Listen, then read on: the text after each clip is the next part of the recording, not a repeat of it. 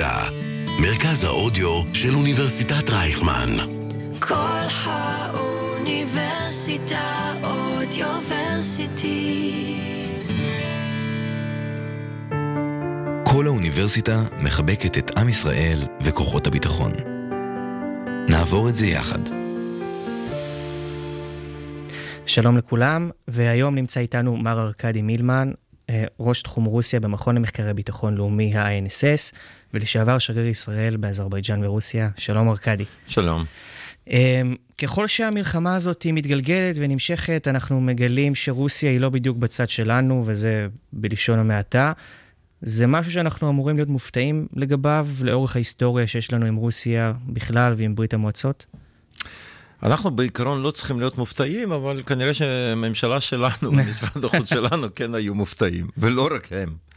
אה, וזה נובע, שוב, מקריסת קונספציה נוספת לגבי מיקומה של רוסיה אה, במערכת הבינלאומית, וכמובן, אה, כאן אנחנו מדברים על איזה משהו שהיה ניתן לצפות וניתן היה לראות, פשוט הייתה באיזשהו מקום אטימות, הייתה חולשה, ואי רצון לנסות לראות את הדברים בצורה ביקורתית. ומכאן אנחנו מגיעים למצב שכפי שאמרת בלשון המעטה, רוסיה תמכה בצורה חד משמעית באויבים שלנו. היא לא גינתה ולו במילה אחת עד היום הזה את המעשה הטבח של השבת השחורה של 7 באוקטובר, של מעשי רצח זוועתיים של המחבלים של חמאס, אף מילה. פעם אחת פוטין אמר, כעבור שבוע, אה, באחד המפגשים, שזאת הייתה מתקפה חסרת תקדים על ישראל. וזהו. וזה, אבל זה הוא למעשה, מה שהוא עשה, הוא ציין את העובדה, אבל אף מילת גינוי. ולאורך ההיסטוריה היו לנו רגעי שפל עם, עם רוסיה סלש ברית המועצות, אנחנו, איך היחסים בין מדינת ישראל לרוסיה בכלל אה, עומדים, איפה הם עומדים? בין רוסיה סלש ברית המועצות סלש רוסיה שוב, אם אנחנו לוקחים את זה, כן, האימפריה הרוסית. ברית המועצות אחר כך אחרי נפילתה, נפילתה של ברית המועצות רוסיה החדשה. בהחלט היחסים הם היו עוד הרבה לפני קום המדינה, כשאנחנו מדברים על אנטישמיות, כשאנחנו מדברים על הפוגרומים שהיו באימפריה הצארית, כשאנחנו מדברים על אחד היצירות המזעזעות שיזמה המשטרה החשאית הרוסית שנקרא פרוטוקולים של זקני ציון. זה עד היום משמש את שונאינו, הדבר הזה, לכל מיני הזה, תיאוריות קונספירציה.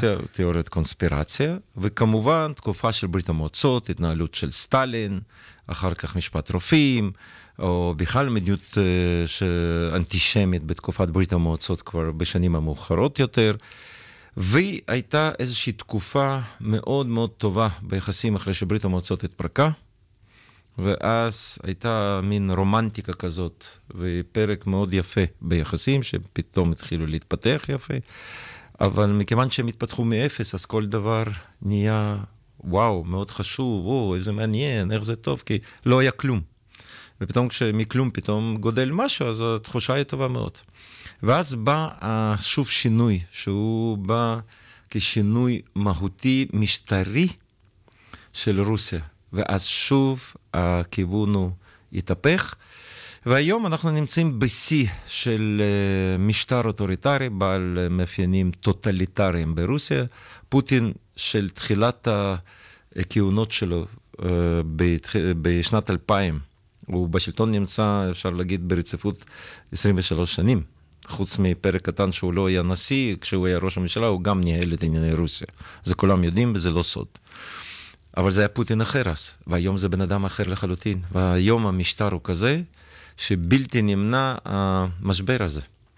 כי אנחנו נתפסים על ידי האיש הזה, שהוא במקור אה, איש KGB, איש הקג"ב, כן? זה עם ה-DNA של קג"ב, ואז רואה את ישראל כחלק של עולם מערבי, חלק של אה, כמעט, אפשר להגיד, חלק של ארה"ב, כי ישראל בוחשת שם, ושוב, זה כחלק של פרוטוקולים של זקני ציון, שאולי ישראל מנהלת אפילו את אמריקה, כן, זה אנחנו הולכים באמת... יותר אה, מדי קרדיט נותנים לנו. כן, יותר מדי קרדיט, לא יודע, אולי אנחנו לא יודעים פשוט משהו. אה, ושוב ישראל נתפסת כמשהו שאיזושהי אישות שקשורה לחלוטין לארה"ב, ומאחר וארה"ב היום היא אויב מספר אחד של רוסיה, מלבד אוקראינה, כן, כמובן, כי אוקראינה נתפסת כחלק של, אה, נגיד את זה ככה, כמכשיר שארצות הברית מנצלת אה, את המכשיר הזה בשביל לפגוע גם ברוסיה. ופוטין קרא לאוקראינה, לדוגמה, פרויקט האנטי-רוסיה. אז אנחנו חלק של העולם הזה, אז ברור שהם נגדנו, זאת אומרת, זה לא מפתיע, ולכן האויב שלנו הוא, מסתבר, החבר הכי טוב של רוסיה. אז אני אנסה להיכנס ל... להרחיב את מה, ש... מה שאמרנו עכשיו, שהאם אפשר להגיד שרוסיה רואה את ישראל, זאת אומרת שאין לרוסיה בעיה עם ישראל בפני עצמה, יש לה בעיה עם ארצות הברית, והאינטרס הרוסי במקרה הזה הוא לפגוע כמה שיותר בארצות הברית, אז בגלל זה אנחנו רואים את רוסיה בצד השני נגדנו. תלוי איך אתה מסתכל על זה. שוב, רוסיה זה לא מונוליט אחד גדול. יש שם גם גורמים קיצוניים ואנטישמיים. הם בוודאי רואים בישראל כגוף uh, זר, גוף uh, uh, עוין, גוף שצריך להילחם נגדו.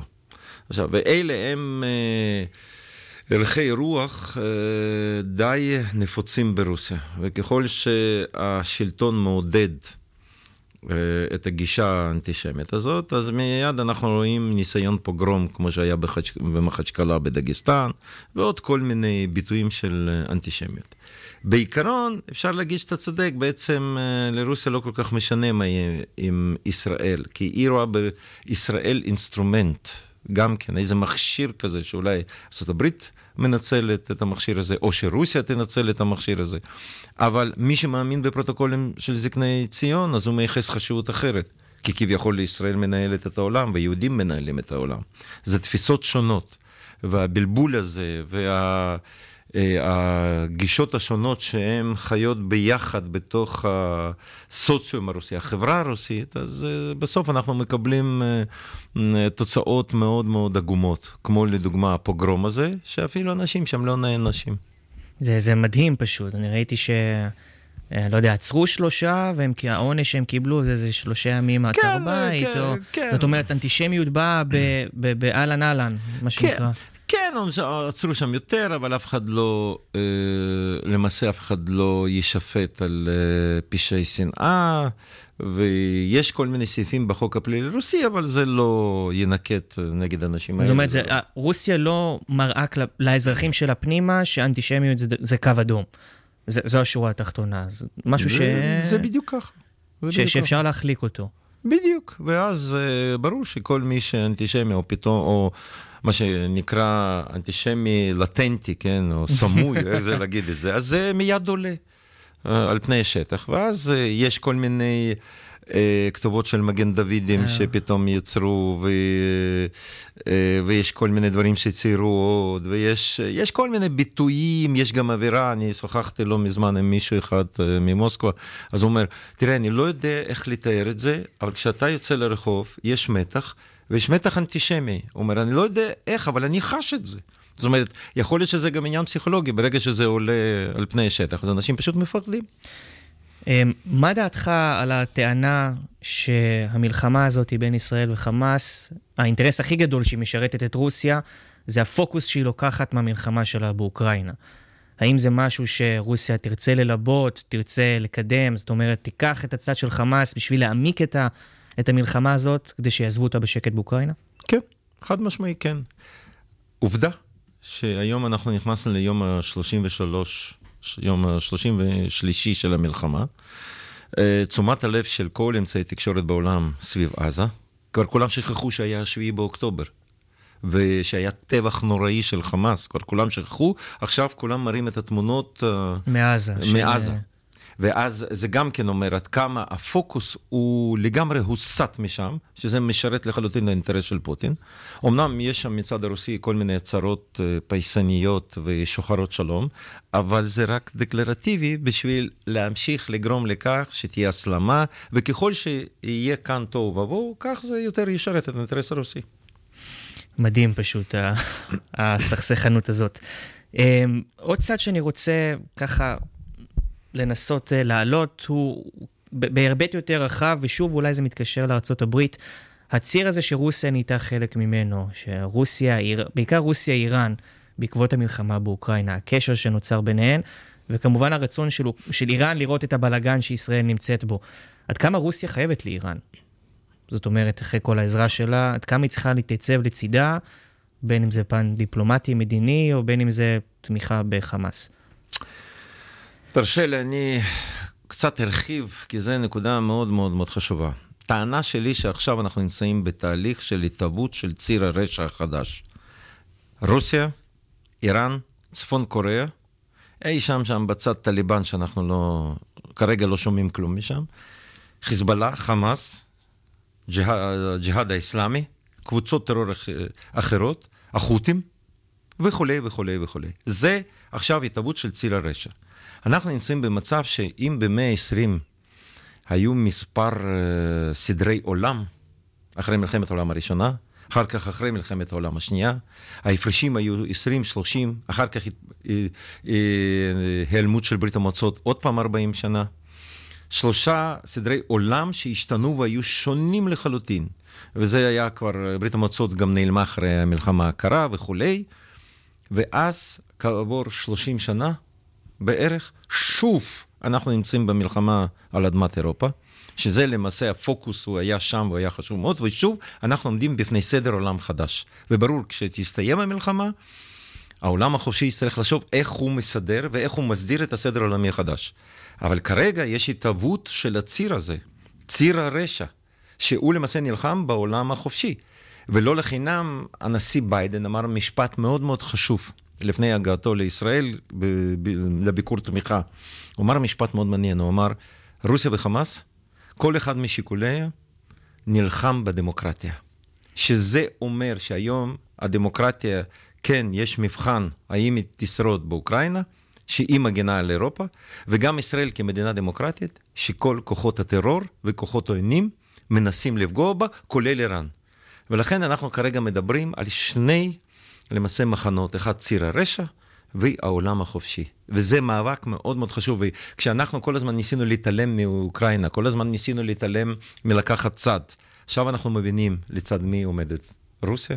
במי היא תומכת? היא תומכת באיראן, והשיתוף הפעולה הצבאי בין רוסיה לאיראן זו סכנה קיומית למדינת ישראל. ואנשים צריכים להפנים כאן, אחרי כל הקריסות של כל הקונספציות, אנחנו חייבים כרגע לעשות דין וחשבון ולראות באמת איפה הסכנות שלנו, וזו אחת הסכנות הקיומיות. ואיך אנחנו כמדינה יכולים להתמודד עם הדבר הזה? זאת אומרת, במערכת היחסים מול, מול רוסיה כרגע. שניקח אולי את שני השיקולים המרכזיים שישראל באמת חשבה בהם, זה מצד אחד המלחמה באוקראינה לעומת חופש הפעולה ב- בסוריה. איך הדבר. וקהילה יהודית. וקהילה יהודית, נכון, כן, וקהילה יהודית, כמובן. שני, ה... איך אה, אנחנו, יסודות. איך אנחנו מתנהלים מול רוסיה במצב כזה? אף אחד לא אומר שצריך לנתק את היחסים, ואף אחד לא אומר שפתאום צריך לגרום לאיזשהו פיצוץ אה, כזה שלא ניתן יהיה אחר כך להחזיר את המצב לקודמותו. אנחנו מדברים על עמידה איתנה על האינטרסים שלנו. אנחנו צריכים להבין שיש לנו רק ידידה אחת בעולם, אמינה, שהוכיחה את עצמה, וזה ארצות הברית. ואם אתה תרשה לי, אז אני אגיד שגם הנשיא ביידן הוא הנשיא הציוני ביותר שהיה בארצות הברית. ונקווה שעוד יהיו כאלה, אבל אה, זה לא בטוח כבר. והסיוע שעכשיו אנחנו מקבלים מארצות הברית, ובאיזה צורה אנחנו מקבלים, ובאיזה עוצמה, אנחנו צריכים להבין לאיזה צד אנחנו שייכים. אין פה בכלל שאלות. אבל מול רוסיה צריך לעמוד על אינטרסים שלנו, וצריך להכין תוכניות, וצריך לעיבוד את המערכים שמטפלים ברוסיה, ויודעים בדיוק מה מתרחש. לא כל מי שיודע רוס, אה, רוסית, או כל, לא כל מי שדובר רוסית, הוא מבין בענייני רוסיה, גם את זה צריך לקחת בחשבון. גם לא כל מי שדובר עברית מבין מה מתרחש אצלנו לפעמים, כן? אז אה, לכן אנחנו צריכים לעבוד את המערכים האלה, אנחנו צריכים להגיב על כל גילוי של אנטישמיות, מה שעד עכשיו לא הגמנו. אפילו אחרי הפוגרום שהיה, שם ניסיון של פוגרום אמיתי, אני לא שמעתי תגובה, לא של שר החוץ, לא של ממשלת ישראל. אבל כשזלנסקי באמת עשה איזה טעות, ולא בכוונה, ולא בשביל לפגוע בעניין של שואה, הוא ניסה לעשות איזו הגבלה שלא הייתה הכי מוצלחת. כל הקשת הפוליטית, מכל הקצוות, ישר גינו אותו, ישר דיברו. כשפוטין דיבר בצורה אנטישמית לחלוטין נגד ישראל והשווה אותנו לנאצים, אף מילה. אבל אף מילה. אז מה אתם רוצים אחר כך? אם אתם לא מגיבים, אתם לא עושים, אז למה אתם גורמים? שהרוסים חושבים שזה בסדר. זה הכל. ואם נצטרך להפציץ בסוריה במקומות שאנחנו צריכים, אני מבטיח לך שנפציץ. כי לא תהיה ברירה, כי אנחנו מגינים על הביטחון שלנו. ואם הרוסים מראש לא היו גם מעוניינים שאנחנו נפציץ קצת את הכוחות, על פי מקורות זרים, את הכוחות האיראנים שיושבים בסוריה, אז הם היו כבר מזמן מוחים ולא נותנים לנו ומנסים להגיד כמה שזה לא טוב ולא לאפשר לנו. כך שכאן לא צריך להגזים באינטרסים שלנו מול אינטרסים של הרוסים ולהבין שגם אנחנו לפעמים עושים עבורם עבודה שחורה. אני אנסה עוד פעם, אולי לגעת יותר בצד של אוקראינה, כי הצד בסוריה הוא מובן, כי בסופו של דבר מדובר באמת בביטחון שלנו פר אקסלנס באופן ישיר. האם לדעתך אחרי המלחמה הזאת וביום שאחרי, יכול להיות שאנחנו נראה תמיכה ישראלית יותר מוגברת באוקראינה? אם הנחת היסוד שלי היא נכונה, שיש עכשיו התגבשות של סדר עולמי חדש, כשיש לנו ציר הרשע, שרוסיה היא המנהיגה של הציר הרשע הזה, אז ברור שאם רוסיה תנצח באוקראינה, זה יהיה אסון לאירופה, אסון לארצות הברית ואסון לנו. מדוע? כי זה יגרום לעידוד של איראן לתקוף אותנו. כי אז לכוחות הרשע יהיה ברור, אה, אם רוסיה ניצחה והעולם שתק, אז גם לנו מותר. לכן מי שלא מבין את זה ולא מבין את ההיגיון ואת הדינמיקה של מה שמתרחש בעולם, אז הוא שוב יטעה, ושוב תהיה קונספציה לא נכונה, ושוב היא תקרוס, אבל אז כבר יהיה באמת... מאוחר, מ... מאוחר מדי, כי זה, יהיה, זה באמת יהיה איום קיומי אמיתי. אני עדיין מנסה איכשהו להבין איך אנחנו כ- כמדינה, כמדיניות של מדינת ישראל, מתנהלים מול הדבר הזה, כי אני באמת מסכים איתך שהציר הרשע הזה שמתגבש הוא באמת איום קיומי עלינו, אבל איך שאני קצת קורא מהעבר ואיך שאני תופס את המנהיגות שלנו היום, יש איזשהו פחד מרוסיה. זאת אומרת, מדינת ישראל מפחדת מה, מהקרמלין בצורה כזאת או אחרת, ואני לא רואה צעדים שאנחנו עומדים על שלנו, ואתה יודע, כן. מסתכלים להם בלבן של העיניים ואומרים, חבר'ה, עד כאן. כן, אני, אני מסכים איתך, גם הפחד הזה הוא בלתי מובן מדוע, כי לא היו יחסים בינינו לבין ברית המועצות, אז מה? הטייסים שלנו לא הפילו מטוסים סובייטיים uh, במהלך מלחמת ההתשה, בסוף שנות ה-60? לא היה, היה, אז מה? מה קרה? לא קרה כלום. עכשיו, גם תבינו, יש כאן איזשהו עניין שבקרב uh, um, מקבלי החלטות יש איזושהי בעיה בהבנה. ואם היו מנתחים היטב את המצב שקרה באוקראינה, והתנהלות של פוטין מול ארצות המערב, אז היו מבינים שאם אתה עומד על האינטרסים שלך, ואתה uh, מאמין בצדק שלך, אתה בסופו של דבר תנצח. ועכשיו אני אסביר בצורה הכי פשוטה. לפוטין היו כל מיני קווים אדומים. ואני אתן לכם דוגמה, כשהוא אמר, אם המערב יעביר לאוקראינה איזשהו סוג של טילים, אז זה קו אדום, אנחנו נגיב בצורה הכי קשה. לא העבירו, לא קרה כלום. אחר כך הוא אמר, אם המערב, המערב יעביר טנקים, אנחנו נעשה משהו כזה שכולם יזכרו אותנו לנצח. משהו קרה? לא. אחר כך פינלנד ושוודיה רצו להתקבל לנאט"ו, ואז פוטין אמר, נו זה באמת כבר קו אדום. פה אנחנו כבר לא נסבול. כשפינלנד התקבלה רשמית לנאט"ו, מה אמר באותו יום פוטין? תתפלאו, ואני מצטט, הוא אמר, אבל אין לנו סכסוך טריטוריאלי עם פינלנד. הם רוצים להיות בנאט"ו, בבקשה. אבל אם הם יגבירו כוחות, גם אנחנו נגביר כוחות. אז גם קו אדום הזה גם. אז מה אם אנחנו נפציץ ונעשה מה שיש? ואם הרוסים ירצו לעשות פוגרומים ביהודים, אז אני משוכנע שנמצא דרכים כיצד להוציא את היהודים, וכיצד לסייע להם, ומוטב אה, שעה אחת קודם. ואם מאוד רוצים באמת לסייע ליהודים שם ולשכנע אותם לצאת לישראל, אז צריך להגביר את כמות האנשים ופשוט לחזק את המערך של מי שמטפל בוויזות לישראל בשגרירות ישראל, ולא לגרום לכך שיש שם תור לשנה, אלא לפעול בצורה מהירה וטובה ולהביא אנשים. אבל אי אפשר יותר להבליג, אי אפשר יותר לשבת בשקט ולפחד. ממה אתם מפחדים? ממה? שאלה טובה. אמ, בנושא קצת אחר, ונחזור טיפה יותר לסכסוך בין, בש, מלחמה בינינו לבין חמאס, מה אנחנו יודעים על הקשר של רוסיה עם חמאס באופן ישיר? היה דיווחים, דיווחים והוכחות שמוסא אבו מרזוק, בכיר חמאס, היה במוסקבה לפני כמעט שבועיים. מה, מה הולך שם? איך אנחנו יודעים, מה אנחנו יודעים על מערכת היחסים הזאת? אבו מרזוק מוזמן למוסקבה, ועוד כמה חמאסניקים טרוריסטים. ואז סוף סוף ממשלת ישראל הגיבה והביעה את אה, מחאתה. מעט מאוד, מאוחר מאוד. זה מה שאני יכול להגיד. אבל תתפלאו. כשהייתה uh, ברוסיה שאיפה להיות חלק של עולם הדמוקרטיה אחרי התפרקותה של ברית המועצות והיעלמותה, בשנות ה-90, כשהיו מעשי טרור של חמאס, 94, אנחנו ל-95, 96, שהיו באמת המעשים הנוראים האלה, רוסיה גינתה בצורה חד משמעית את מעשי הטרור של חמאס, קרא להם פנאטים אסלאמיסטים קיצוניים, מחבלים. נקודה.